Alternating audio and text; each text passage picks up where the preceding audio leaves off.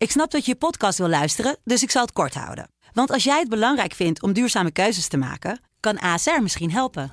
Nou hoor ik je denken, hoe dan? Nou, bijvoorbeeld bij het duurzaam herstellen van schade. Of de premies die we beleggen volgens ons duurzaam beleggingsbeleid. Dat bepaalt waar we wel en juist niet in investeren. Wil je meer weten over welke duurzame keuzes ASR maakt? Ga dan naar asr.nl slash duurzame keuzes. ASR doet het. Zo, dan kan je nu lekker naar je podcast luisteren. Hoe sta je in die discussie dat mensen zeggen van ja, je moet niet zoveel eh, focus op dat geld. Het gaat ook gewoon om waardering voor je werk. En ik vraag dit niet als chef van de financiële redactie hè, om een mogelijke salarisverhoging voor je te voorkomen. Dat is ook een stukje waardering hè, van mij uit. Uh, ja, heel goed, heel goed. Nou, ik, uh, ik hoor wel wat het oplevert zo meteen. Het heeft ook altijd een beetje iets treurigs van al die fluitjes die uitgedeeld worden en allemaal hetzelfde petje. En... Ja. Dit is Kwestie van Centen. Een podcast van de Financiële Telegraaf met Martin Visser en Herman Stam. Daar zijn we weer, uh, Martin, na de Pinksteren. Door jou uh, uitbundig gevierd. Heb je het leuks gedaan? De uitstorting van de Heilige Geest. Ja, ja jij weet ook meteen waar het voor staat natuurlijk. Ja, zeker, ja, ja, ja. Ja, dat is ook een beetje een stiefmoedelijk feestje in de kerk, moet ik zeggen hoor. Dus nee, dus voor mij is het ook gewoon een extra vrije dag. Ah, kijk. Ja, wat natuurlijk niet verkeerd is natuurlijk. Nee, nou, in, de, in de krantenjournalistiek is er nooit een vrije dag, toch? Want er Ach, komt ook man. gewoon een oh, krant ja, uit naar Pinksteren. Jongen, jongen, jongen. Ja. Zeg dat even lekker om te slijmen. dat ik zo hard werk of zo. Nou, uh, maar over werken gaan we het wel hebben. En over het minimumloon. En, we gaan het vooral uh, over beloningen hebben volgens mij. Beloningen en of gewoon werken niet je hobby hoort te zijn. En dat je niet zo moet zeuren dat je daar heel veel geld voor wil hebben. Nee, dat hmm. is helemaal een slecht bruggetje. Want we gaan het eerst eens eventjes hebben over het minimumloon. En daar is eindelijk uh, een doorbraak in Europa. Hebben we een deal? We hebben een deal, ja zeker. En welke mensen gaan we helpen met deze deal? De mensen die in de winkels werken, de mensen die in de agrarische sector werken, de mensen die onze pakketjes bezorgen, de schoonmakers. Al die mensen die hard werken en eigenlijk niet voldoende verdienen om een fatsoenlijk leven te kunnen leiden. Ben je blij? Ik ben heel erg blij, ja zeker. Het is kwart voor drie s'nachts. ik moet zeggen, ik ben blij en ook wel een beetje moe, maar uh, het was het, uh, het was het waard. Ja, aan het woord Agnes Jongerius uh, namens de PvdA-fractie in Europa. Ja. Je hoort die gangen daar in Europa. Martin, ik kijk meteen naar jou, want wij hebben er allebei vaak gestaan. Ook om dat soort tijdstippen. En dat ja. er dan zo'n akkoord uitkomt en dat je denkt... Wat hebben ze nou precies besloten? En, uh, nou, dat was hier inderdaad ook al een vraag. Maar goed, ja. zij was in ieder geval blij. Ja, ja. waar was ze blij? Want het, het, ten, ten, eerste hoor je van ja, het is geen verplichting, maar we willen dan in heel Europa uiteindelijk wel ja. Komen tot een nou gezamenlijk minimumloon. Nou, het is wel een typisch glas half vol, half leeg verhaal, denk ik. Want je kan er inderdaad heel badinerend over doen. Van, ja, er komt geen enkele verplichting of we schieten er helemaal niks mee op. Of uh, het hangt een beetje vanaf wat je, er, wat je ervan vindt. Of Europa überhaupt iets moet zeggen over minimumloon. Mm -hmm. ja, je kan ook redeneren, dit is een soort eerste stap waarin er centraal vanuit Brussel afspraken worden gemaakt die ja, lidstaten toe dwingen om uh, ja, toch wel in ieder geval twee keer in het jaar te bekijken en te berekenen of het minimumloon voldoende is om fatsoenlijk van rond te komen. Uh, er zitten ook wel een aantal formules in, in de afspraken, begrijp ik. De afspraken moeten allemaal nog formeel bevestigd worden door het voltallige Europees Parlement en door de, de, de Raad, dus alle, alle ministers van de lidstaten. Maar laten we even uitgaan dat, dat, dat, dat, als dat gebeurt, dan zitten er ook wel formules in uh, over uh, wat dan een fatsoenlijk minimumloon zou zijn. En precies dat is niet bindend. En volgens die formule zou volgens Agnes Jongerius, oud-voorzitter van de FNV, laat ik ja. nog even erbij zeggen, uh, zou dan... Want dat noem je omdat de FNV ja. er ook altijd hard op hamert. Ja, zeker. Dan, ja, dit is, dit is een internationale lobby voor een hoger minimumloon. Mm -hmm. En dan zou je precies op een minimumloon van 14 euro, euro per uur uitkomen in deze deal van het Europees Parlement. En dat is toevallig precies het bedrag dat ook de FNV wil en de linkse oppositie wil. Nee, dit is een, dit is een, grote, een grote samenwerking eigenlijk internationaal voor een minimumloon van 14 euro. Ja, daar komen we zo verder nog even op. Ja. Maar eerst even dat je zegt van ja, je kan er ook wel wat van vinden dat ze dit in Brussel gaan opleggen. Want ik ja. dacht altijd van dit zijn wel dingen die onder onze nationale bevoegdheid ja. vallen. En daar was ik wel redelijk tevreden mee dat ja. je dat gewoon als land zelf kan bepalen. Zeker. En, kijk, en uh, je kan natuurlijk wel iets van vinden vanuit Brussel. Om, omdat je wel afspraken hebt over sociaal beleid. Dus niet exacte invulling, maar wel over... Nou, er zijn ook bijvoorbeeld internationale afspraken van het ILO. Dat is een, een uh, International Labour Organization. Uh, die gaan natuurlijk ook over fatsoenlijke arbeidsvoorwaarden bijvoorbeeld. Daar gaat, daar gaat Brussel in internationale gemeenschap in die zin ook over. Het is wat anders of Brussel echt een soort van loonpolitiek zou gaan mm. doen. En zou vaststellen van zo hoog moet de uitkering zijn. Maar je kan wel een soort sociale normen neerleggen. Ja. Dat begrijp ik op zichzelf wel. Dat je wel een soort bodem in de markt legt, zeg maar. Maar dan fiets je toch wel door afspraken bij ons over huurtoeslag, zorgtoeslag. Ja. Uh, ja. Hoe we dat ook allemaal Nou, en ik denk dat ook de reden is dat het allemaal niet bindend is op die manier. Mm. Dat alle landen wel voor moeten zorgen dat je fatsoenlijk kan leven van, uh, van de, van de laagste inkomens. En dus daar, daarom ben ik wel benieuwd of de, of de lidstaten hier ook voetstoots mee akkoord gaan. Dit is een akkoord tussen de hoofdonderhandelaars hè, van, uh, van de Europese Commissie, het Europese Parlement en de Europese Raad. Dus de lidstaten zijn wel vertegenwoordigd. Hoe heet dat overleg ook weer? We zaten ja, volgens mij... Tria trialoog heet dat ja, volgens precies. mij. Ja, ja, ja, ja, ja. Nou, ik moet wel zeggen, in onze tijd was het natuurlijk eurocrisis en uh, was er niet zoveel trialoog. Was het vooral de Europese Raad uh, onder Van Rompuy destijds nog die allemaal uh, beslissingen nam. Dus de lidstaten. Die dus de lidstaten. dus het was echt een andere periode. Dus ik moet eerlijk zeggen dat ik in, in mijn periode relatief weinig in het Europees Parlement ben geweest. Omdat die crisis werd vooral bestreden door de lidstaten. Mm -hmm. En de Europese Centrale Bank overigens. Maar goed. Ik wel dat je er altijd veel nieuws liet liggen hoor in het Europees ja, Parlement. Zeker, ja, ja, ik vond het ook heel jammer. het was echt een, het is een, een, hele prettige omgeving om te zijn, het Europees Parlement. Het is echt een heel fijn Nou goed, nu word ik heel cynisch. Maar uh, uh, nee, ik, ik, nu ben ik al de totale vraag. De trialoog, dat ja, was het. Sorry. Ja, precies. uh, Of de lidstaat die mee akkoord gaan. ja, maar kijk, het is een trialoog. En dat betekent dus dat een onderhandelaar namens de Europese Commissie, een onderhandelaar namens het parlement en een onderhandelaar namens de lidstaat, in dit geval voorzitter Frankrijk, die sluiten dan een deal. En daarmee is dan niet 100% zeker dat, het, dat die deal ook wordt geaccordeerd door het voltallige Europees parlement en de voltallige raad van lidstaten. Mhm. Maar meestal is het wel een soort opmaat. Uh, dus, maar ik ben wel benieuwd. Kijk, in Nederland liet meteen al, ik geloof uh, Karine van Gennep van Sociale Zaken liet meteen al weten van, uh, heel triomfantelijk te zijn van, oh ja, we, we, zijn dus op de goede weg, want we waren van plan het minimumloon te verhogen. Mm. Ja, dat is toch een interpretatieverschil met waar Agnes Jongerius namens het Europees Parlement mee naar buiten komt. Maar ook dat is typisch een Europees akkoord, die namelijk voor tweeërlei uitleg vatbaar is. en als het ervoor zorgt dat allebei de kampen ook dik tevreden zijn, uh, ja, dan heb je gewoon, heb je gewoon een deal. Ja. Dus de vraag of er iets verandert. Maar het slaat, En dan het niet te veel verplichting noemen. En nee, dan, maar dat zou me niet verbazen als dit over een aantal jaren een soort opmaat blijkt te zijn. Waarin misschien Brussel in toenemende mate zich hiermee gaat bemoeien. En je ziet ook Mhm. een, de positie van Nederland ook veranderen. Nederland schuift natuurlijk ook wel op. Was natuurlijk super kritisch in Europa. En is het ook niet altijd meer uh, Ja. op, alle, op alle terreinen. Nee, Rutte wil Albanië erbij hebben. Ja, hoor. En uh, Ja. gaan allemaal zo door. Ja, kom er allemaal binnen. Nee, zeker. Je ziet Kaag, die maakt natuurlijk uh, begrotingsdeeltjes met, met Spanje. We zijn natuurlijk niet meer onderdeel van de vrekkige vier. En, nee, dus we zitten echt heel anders in de wedstrijd. Misschien ook wel omdat Rutte natuurlijk al een van de oudste regeringsleiders in, in Europa is. Daar hadden we laatst een heel groot verhaal over. Er wordt ook vaker naar hem gekeken als, als deeltjesmaker. Niet op alle onderwerpen. Maar ja, dan, als je een beetje een soort oliemannetje wordt, dan kan, niet, uh, dan kan je niet meer de buitenboordmotor zijn. Maar, het is, het is, maar hoeft toch geen verplichting te voelen om uh, nog meer Europese eenwording uh, te nee, bevorderen? Nee, maar nee, dat, het hoeft, voor mij hoeft het ook niet. Maar uh, hij voelt die blijkbaar wel. En hij heeft natuurlijk ook een coalitie sinds, sinds zijn vorige kabinet al met D66. Dus sowieso is hij opgeschoven, omdat hij natuurlijk ook het pro-Europese geluid van D66 moet vertegenwoordigen. Dus je ziet wel degelijk dat Nederland uh, op, op een aantal onderwerpen aan het opschuiven is. En Rutte heeft ook al een paar keer ook nadrukkelijk, maar nu wordt het echt een Europa-podcast, mm. maar uh, nadrukkelijk ook gezegd dat hij ook anders is gaan denken over, uh, over de Europese Unie, daar positiever tegenover staat. Dat betekent niet dat hij, dat hij vindt dat, dat alles maar één grote federale Europa moet. Dat, dat helemaal niet. Maar de, de gedachten bij Rutte zijn ook wel veranderd op dat vlak. En ik denk dat de oorlog in Oekraïne ook heel veel uh, regeringsleiders aan het denken heeft gezet over het belang van Europa als een, st een strategisch verbond. Ja.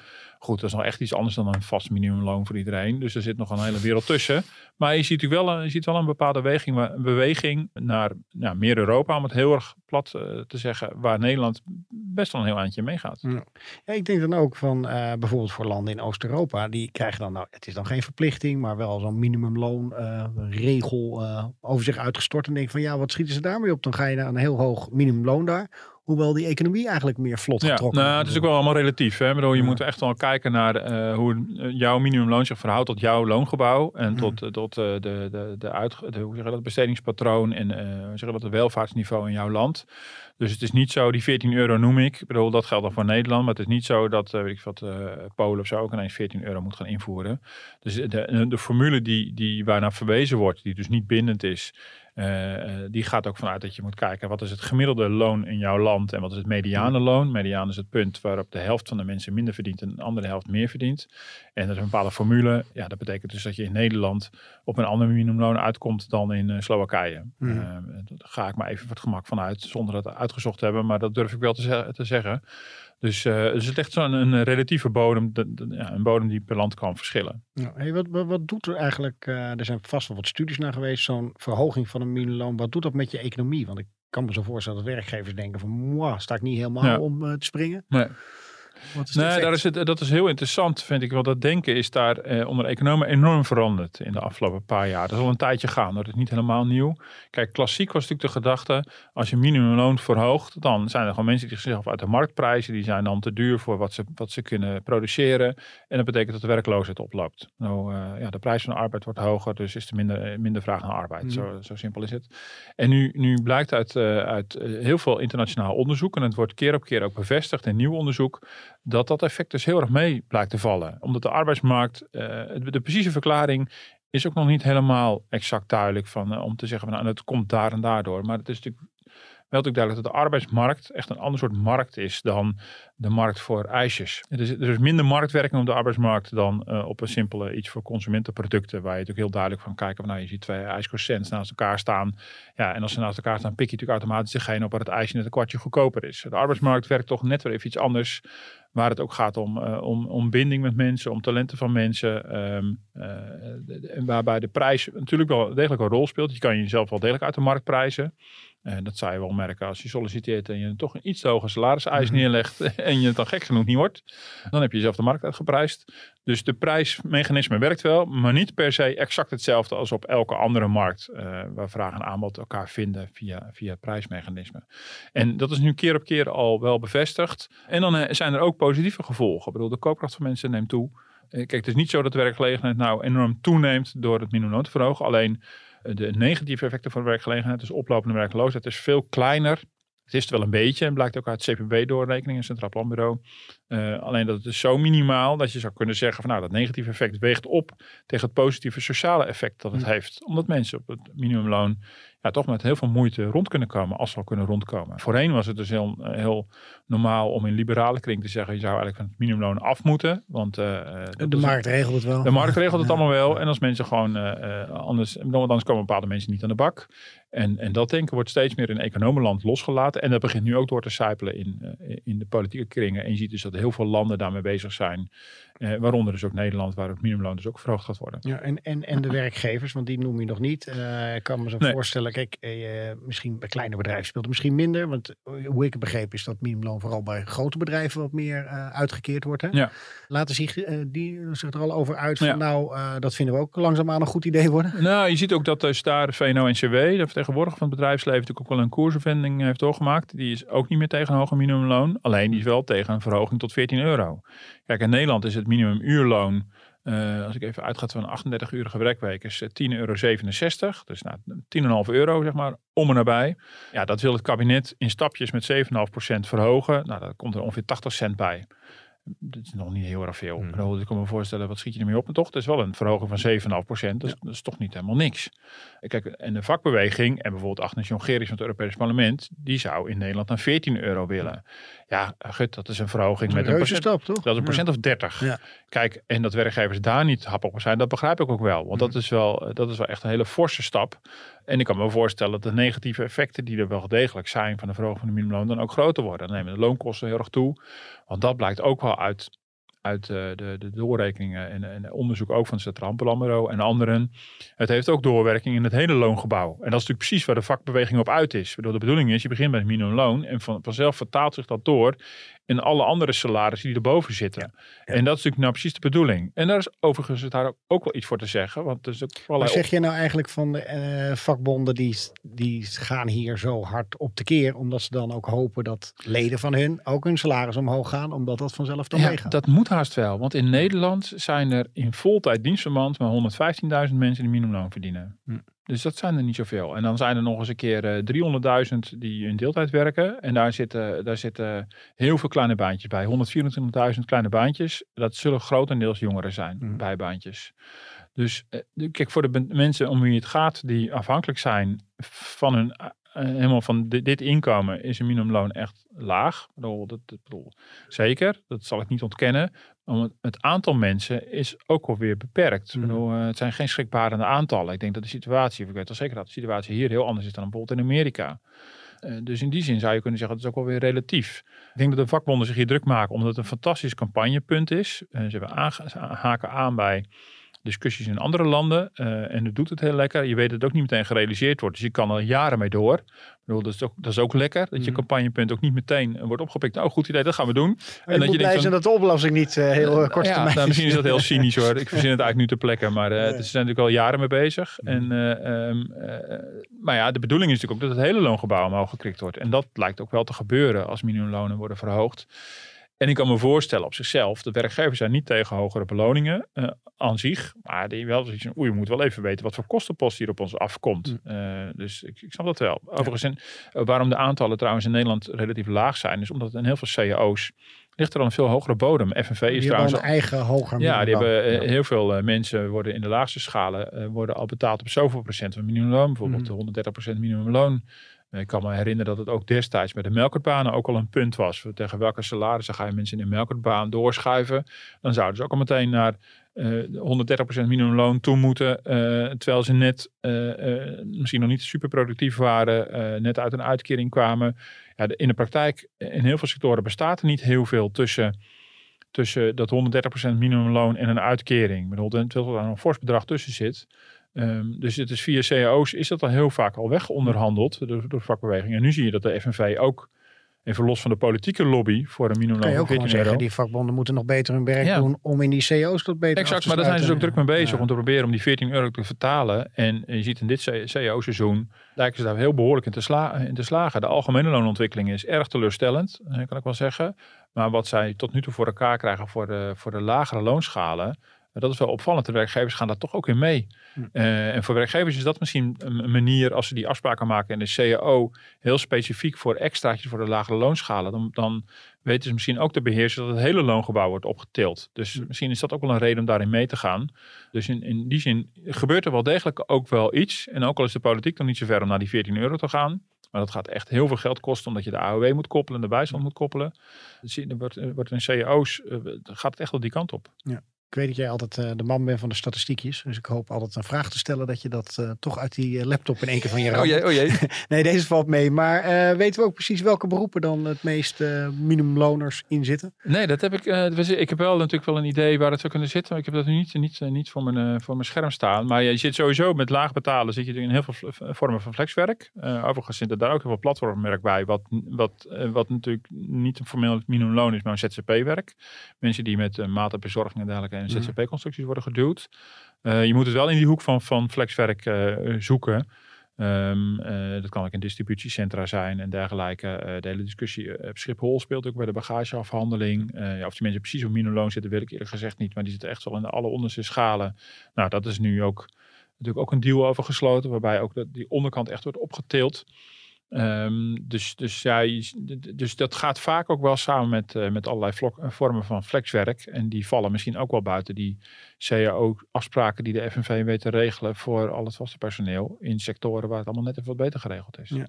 En je noemde ook al uh, Amerika en die hele discussie daar voor de 15 dollar. Ja. Dat, dat, is uh, een soort van omgerekend die 14 euro. euro. Ja, daar komt het van vertaald, ja. ja? Fight for 15, ja. Dus dat is daar een, al een lange, lange lobby. Ja. Je, je, je, vertelde volgens mij eerder al een keer een verhaal mij over een of andere Australiër. De, de, de minimumloon die al die vakbonden hierin bijstaat. Ja, Michael Crosby, dat is een Australiër. En, en hij is ook actief geweest in de campagne in, in Amerika heeft er veel publiciteit voor uh, gezorgd. Onder andere hebben ze heel veel actie gevoerd met allerlei McDonald's-medewerkers. Er zijn ook experimenten geweest tussen McDonald's die wel uh, zijn overgestapt en niet zijn overgestapt. Om ook gewoon uit te proberen wat in de praktijk de effecten zijn van een hoger minimumloon.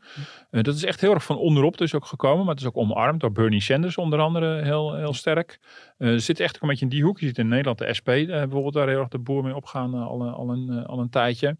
Um, en, en die Michael Crosby, uh, die, die is, uh, nou, ik heb hem horen spreken bij een, een SP-symposium waar ik zelf ook een verhaal moest houden over de loonontwikkeling. Hij wordt in SP-kringen echt als een goeroe gezien. FNV heeft hem regelmatig ingehuurd, ook als, als ja, als campaigner, hoe, hoe zet je dat allemaal op? Dus in die zin. Een oud acteur, toch? Die, de, ja, de, begrijp ik. Ja, uit acteur, acteur en vakbond. Je hebt in die landen, uh, in de Anglo-Saxische landen, heb je hele sterke acteursvakbonden. Mhm, ja. En uh, dat is precies niet de hoek waar wij per se de vakbeweging zoeken. Wij denken dan toch meer aan havenmedewerkers, ja. maar havenarbeiders. Maar ja, dus dat is wel. dus in die zin zie je ook wel, er zijn internationale lijntjes. en zie je dat het echt een vertaling is van een internationale campagne die, die ook naar Nederland is gehaald. En ja, op allerlei.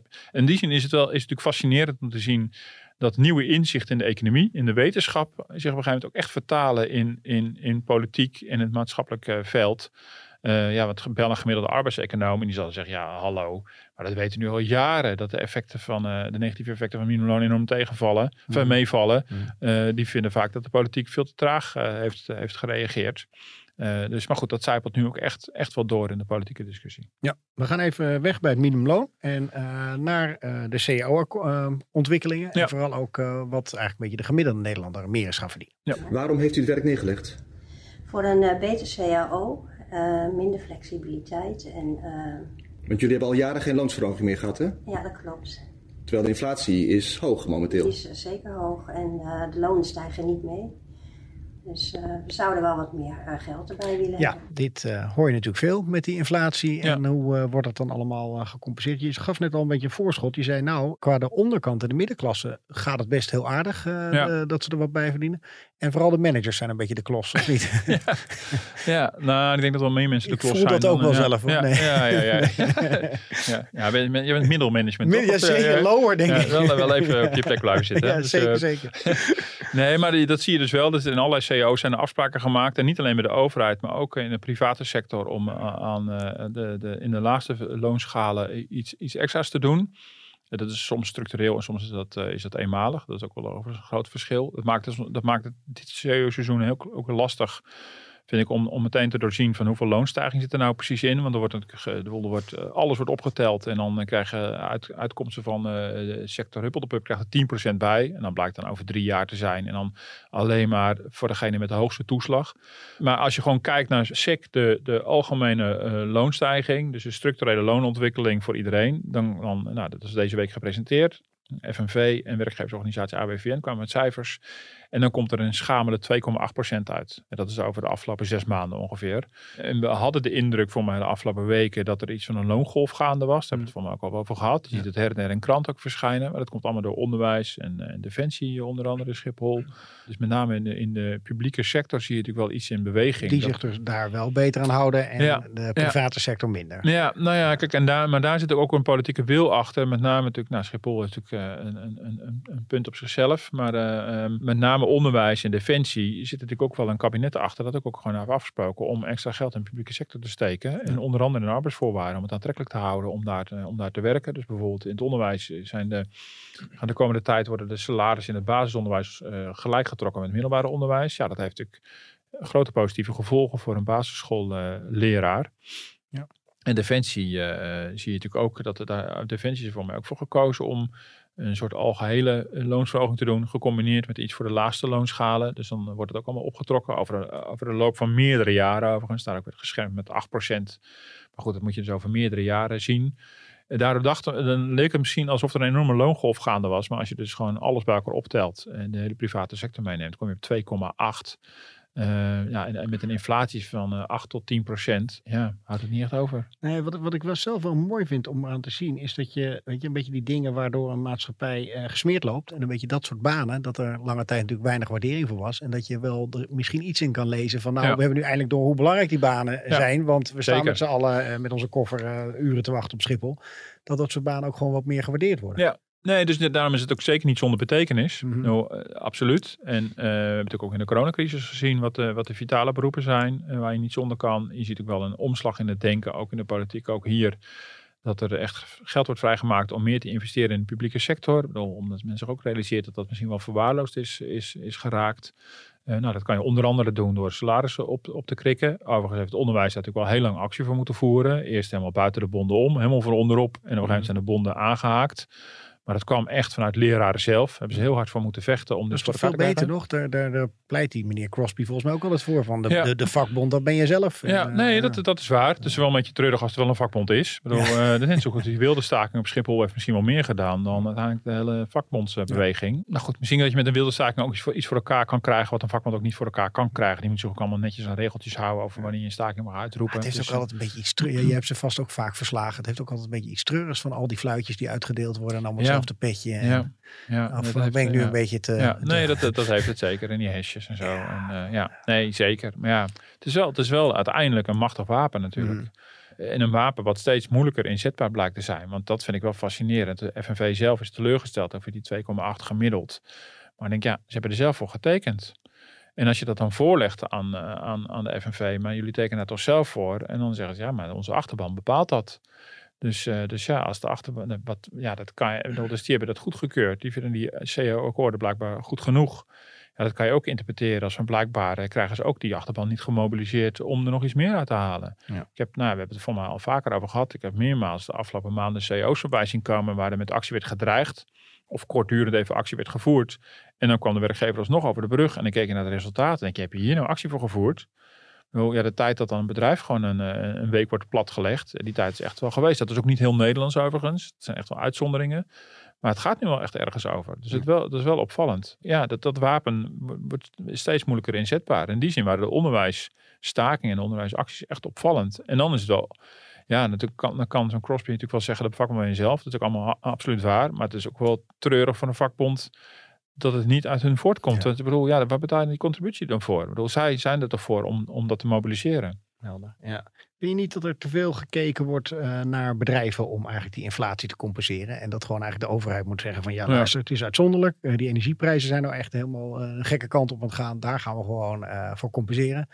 En in plaats van bij Ja. bedrijven aankloppen van jullie mogen het allemaal weer oplossen. Ja, nou, kijk, ik snap heel goed dat je, dat je van een werkgever niet kan verwachten dat hij een inflatie van 8 tot 10 procent compenseert. Dat zou ook niet, dat gaat het kabinet ook niet doen. Dat is gewoon niet meer reëel. Een kabinet kan hooguit iets doen om, te, om ervoor te zorgen dat de allerlaagste inkomens, eh, of misschien ook wel delen van de middeninkomens, niet door het ijs zakken.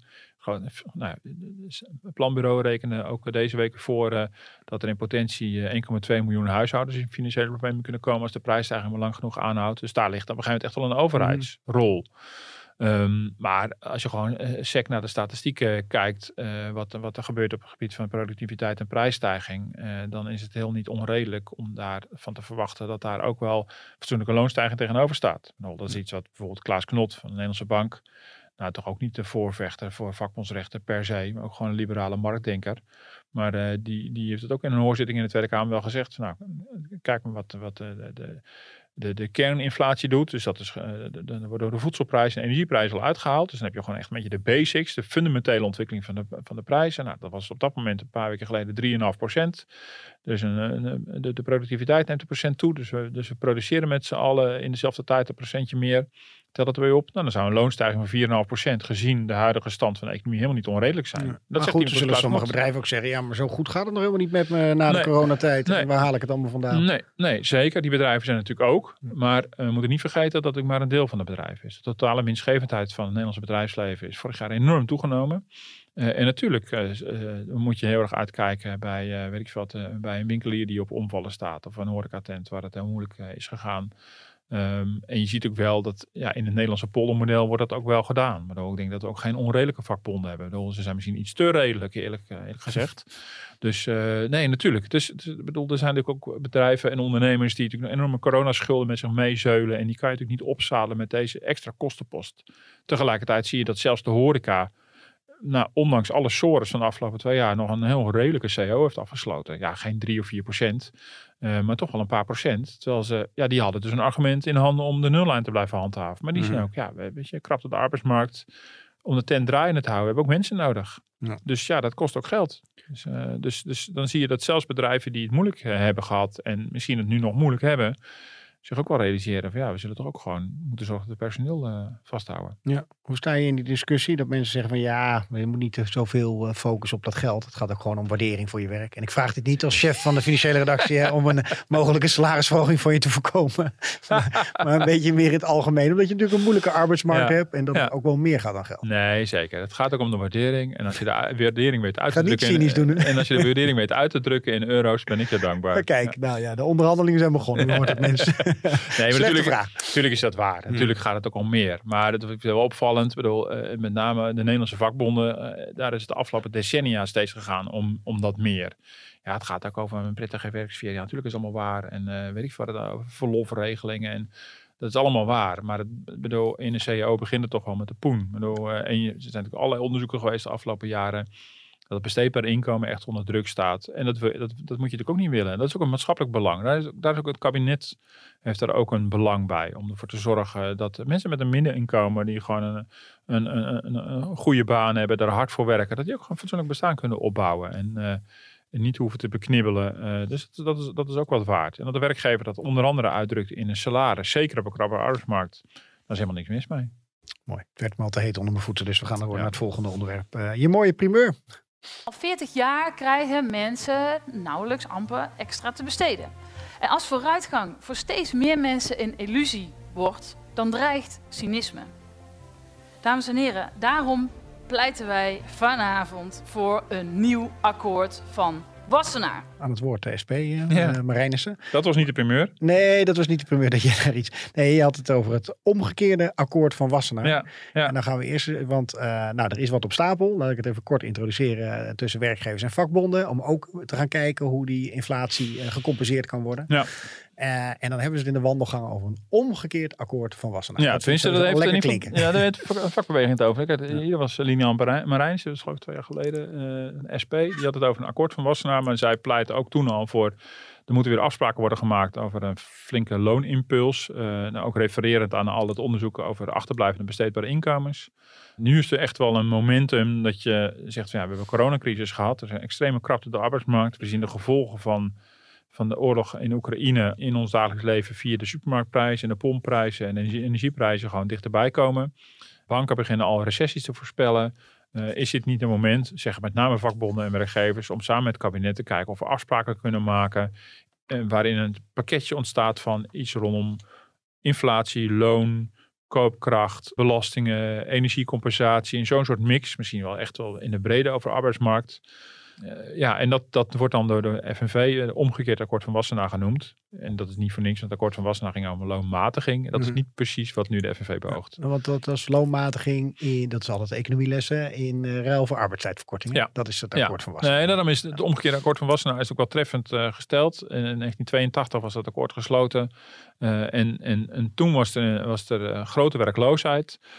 Toen waren de bedrijfswinsten stonden enorm onder druk. Nou, het was in, in de tijd ook van de kabinetten Lubbers en dergelijke. Echt een hele andere periode. We kwamen overigens wel uit de energiecrisis. Dat is de overeenkomst van de oliecrisis van eh, de jaren 70. Eh, maar dus de, de, de winsten stonden onder druk. eh, de, de lonen waren te hoog. Dus toen moesten de lonen worden gematigd. En in ruil daarvoor eh, z- er kwam de arbeidstijdverkorting, eh, zodat er ook weer werkgelegenheid zou ontstaan. Dat was het idee, herverdeling van werk. En nu zou je precies het omgekeerde kunnen doen. Nu heb je een krapte op de arbeidsmarkt en dan moet je mensen verleiden om meer te gaan werken. Bijvoorbeeld parttimers die wel meer willen werken, maar die het niet doen, omdat het niet lucratief is bijvoorbeeld. Of misschien omdat werkgevers het eigenlijk wel handig vinden om hun roosters te vullen met allemaal kleine, eh, kleine baantjes. Dat zou me ook niet verbazen in sommige sectoren. Eh, eh, en dan eh, tegelijkertijd ook hogere salarissen. Ja. Dus in die zin een omgekeerd akkoord van Wassenaar. Vertel nog even, jij, jij was toen al twintig. Ik was natuurlijk heel jong nog. toen mij 1982. Eh, waarom heet Ik was het... 20? nee. Pardon? ik moest even rekenen. Ik denk van, eh, heb ik iets gemist? Ja. Nee, ik was 11. Maar ja. toch weet je dat goed, omdat je er gewoon Ja. veel over gelezen ja, hebt. dat was gewoon Eh, nog geen jeugdjournaal. We zaten net volgens mij in de voorbereiding, hadden we het er even over van eh, waarom ook weer het akkoord van Wassenaar. Maar jij wist het hè? eh, Ja, de, de, de voorzitter van de werkgevers, eh, Chris van Veen, die woont in Wassenaar. En eh, in, in zijn huis eh, is blijkbaar eh, de basis gelegd voor het akkoord. Eh, overigens, interessant eh, dat Ture Ensegraaf van FNV daarna verwijst. Want dat was een akkoord alleen tussen werkgevers en werknemers in de Stichting van de Arbeid. Uh, en nu hopen ze eigenlijk dat er een soort deal te maken is met het kabinet. Dat is niet voor niks, omdat natuurlijk, ze willen een deel van het prijskaartje van dit alles op het bordje van het kabinet schuiven. En dat begrijp Mhm. ik wel van hun uit. Dat is ook de reden dat het kabinet ook niet zo happig is. En de werkgevers wel, want die willen niet dat het allemaal op Precies. hun bordje Kijk, en die vakbonden zien natuurlijk gebeuren. Het kabinet en werkgevers naar elkaar wijzen. Je had het net al over hoe redelijk is dat de werkgevers al die comp- eh, compensatie op zich nemen. Nou, het kabinet zegt, ja, we hebben al het een en ander gedaan. We hebben iets voor de laagste inkomens gedaan. Die eh, 800 euro voor de, voor de minima. Eh, we hebben de, de accijns op benzine verlaagd. We hebben de BTW op de energierekening verlaagd. We hebben de energiebelasting verlaagd. Het is nu al een keer klaar. De rest moeten werkcijfers maar doen in de cao Nou, ik weet niet of ze nog even ge- hebben getankt de afgelopen tijd. Maar Ja. ik geloof nog niet dat het helemaal gelukt is met die eh accijnsverlaging, toch? Eh, nee, ja, daar kan je op twee manieren tegenaan kijken. Want eh, eh, zonder accijnsverlaging was de benzineprijs eh, nog hoger geweest. Dus dat is de positieve kant. Maar inderdaad, ja, dat effect is nu alweer niet gedaan om, door de prijsontwikkeling. Dus Ja. die 17 cent die eh, 1 april van de prijs afging, die is er nu ruimschoots weer bij. We zitten op nieuwe historische hoogtes. En eh, ja, dat gaat echt in, in een razend tempo. Dat, dat klopt. Eh, en er komt dus nog bij dat die accijnsverlaging, die btw-verlaging, dat is allemaal afgesproken tot en met het eind van dit jaar. Dus dat loopt ook af op 31-12. Mhm. Dat betekent dat 1, dan volgens de huidige afspraken op 1 januari gaat de accijns weer met 17% omhoog. Gaat straks de BTW op de energierekening weer omhoog. Ehm, dat, dat, dat, een enorme, dat is een enorme kostenpost. Dus in die zin heeft het kabinet eh, de inflatie ook een beetje voor zich uitgeschoven. Mhm. En dat zie je dus ook wel natuurlijk in alle prognoses terug. Op 1 januari giert de inflatie omhoog, want dan komt het er allemaal weer bij op. Eh, dus ja, de kans is natuurlijk heel groot dat het kabinet zichzelf ook wel realiseert dat ze daar iets mee zullen moeten na 1 januari. Ja. Maar er is niet zoveel ruimte meer na al de Nee. gedoe rond de voorjaarsnota. Ja. En van, toch? Ja, er is Nou ja, dat- ruimte, dat- maar nou ja, de- keuzes. ja, nee, zeker. Maar dat is, dat is natuurlijk wel het, het spannende. Ik bedoel, het, het regeerakkoord en de voorjaarsnota kwam al met zoveel moeite tot stand.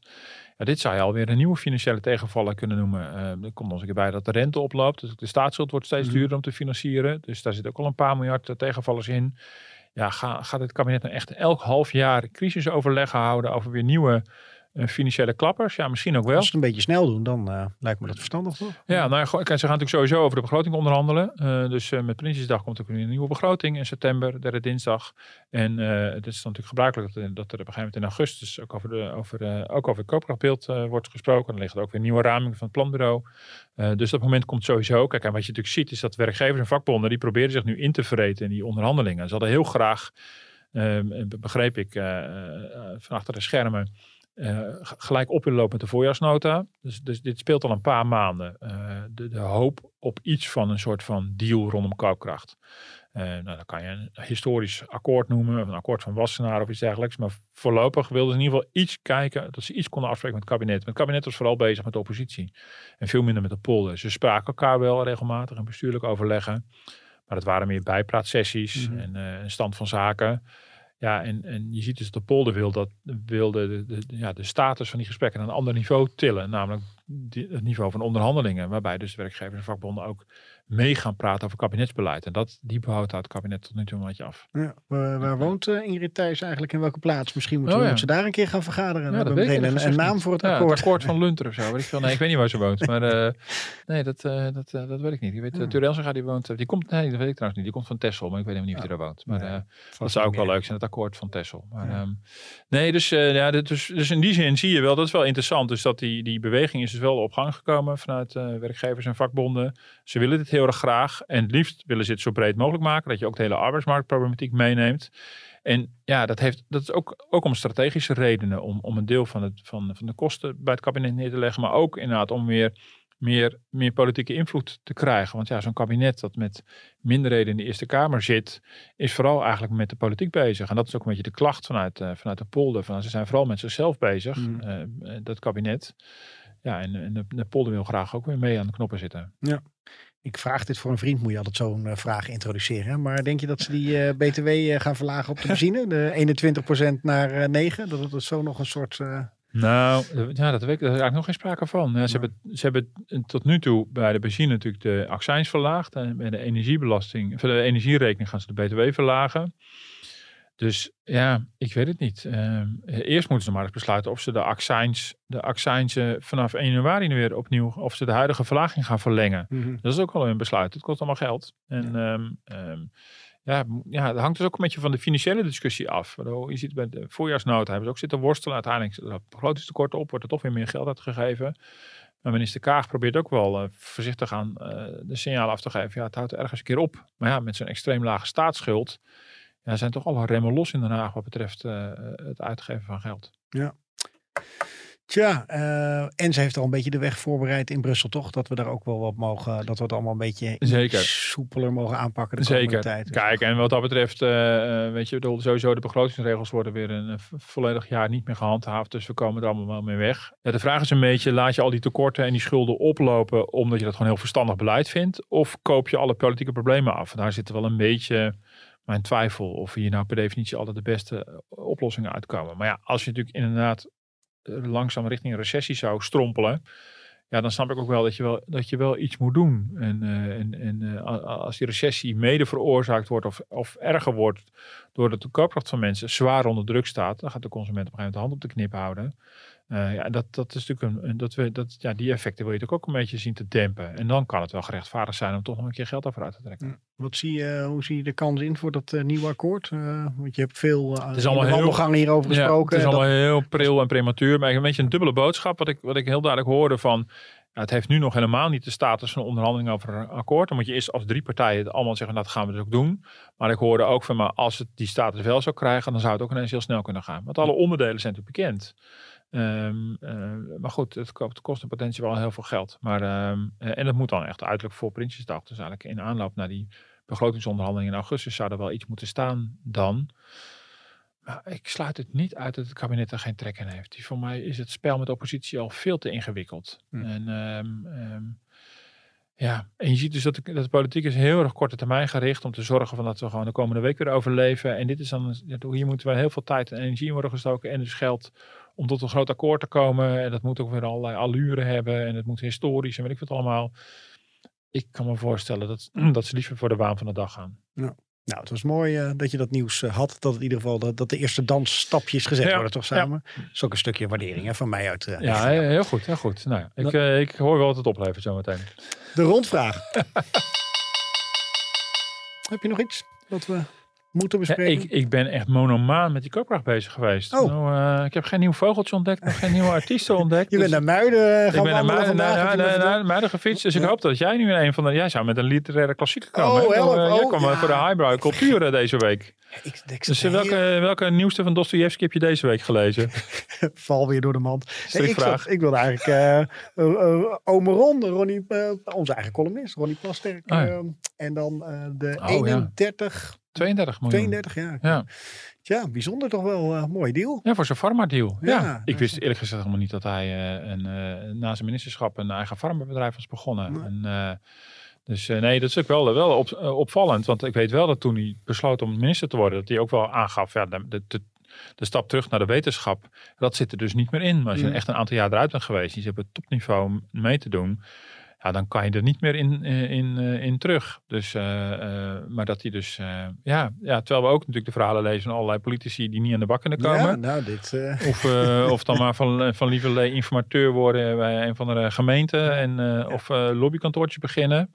Ja, dit is wel weer een andere koek. En met een bijzonder medicijn, hè, wat ook nog uh, hopelijk uh, heel veel mensen gaat helpen. Ja, Als, uh, het heeft hem ja. natuurlijk iets moois opgeleverd, maar ook misschien de ja, mensheid. Toch? Ja, nee, dat was op, opmerkelijk nieuws van deze week. Ja, ja. Goed, Goeie. Nou goed, de, de nieuwste van Dostoevsky die houden we dan ik toch goed doe mijn best. Ik, ik, ga de uitdaging aan. We ja, moet even kijken in de top 10 wat, van de Bruna. Daar staat hij op nummer 1. Hij is, hij, is, hij is, net uit. En ja, die moet je volgen, die Dostoevsky. Dat, is een, dat is een talentje. Een gesponsord item. De top 10 van de Bruna. Gaat ik daarover beginnen op het eind. Nou ja, goed. het is tijd volgens mij voor voor uh, Je weet dat die man al lang dood is, hè? Ja, en dat is het okay. nog wel. Ik ja, okay. kom maar niet. Ik kom er volgende week wel op terug. Doe jij maar even de duimpjes.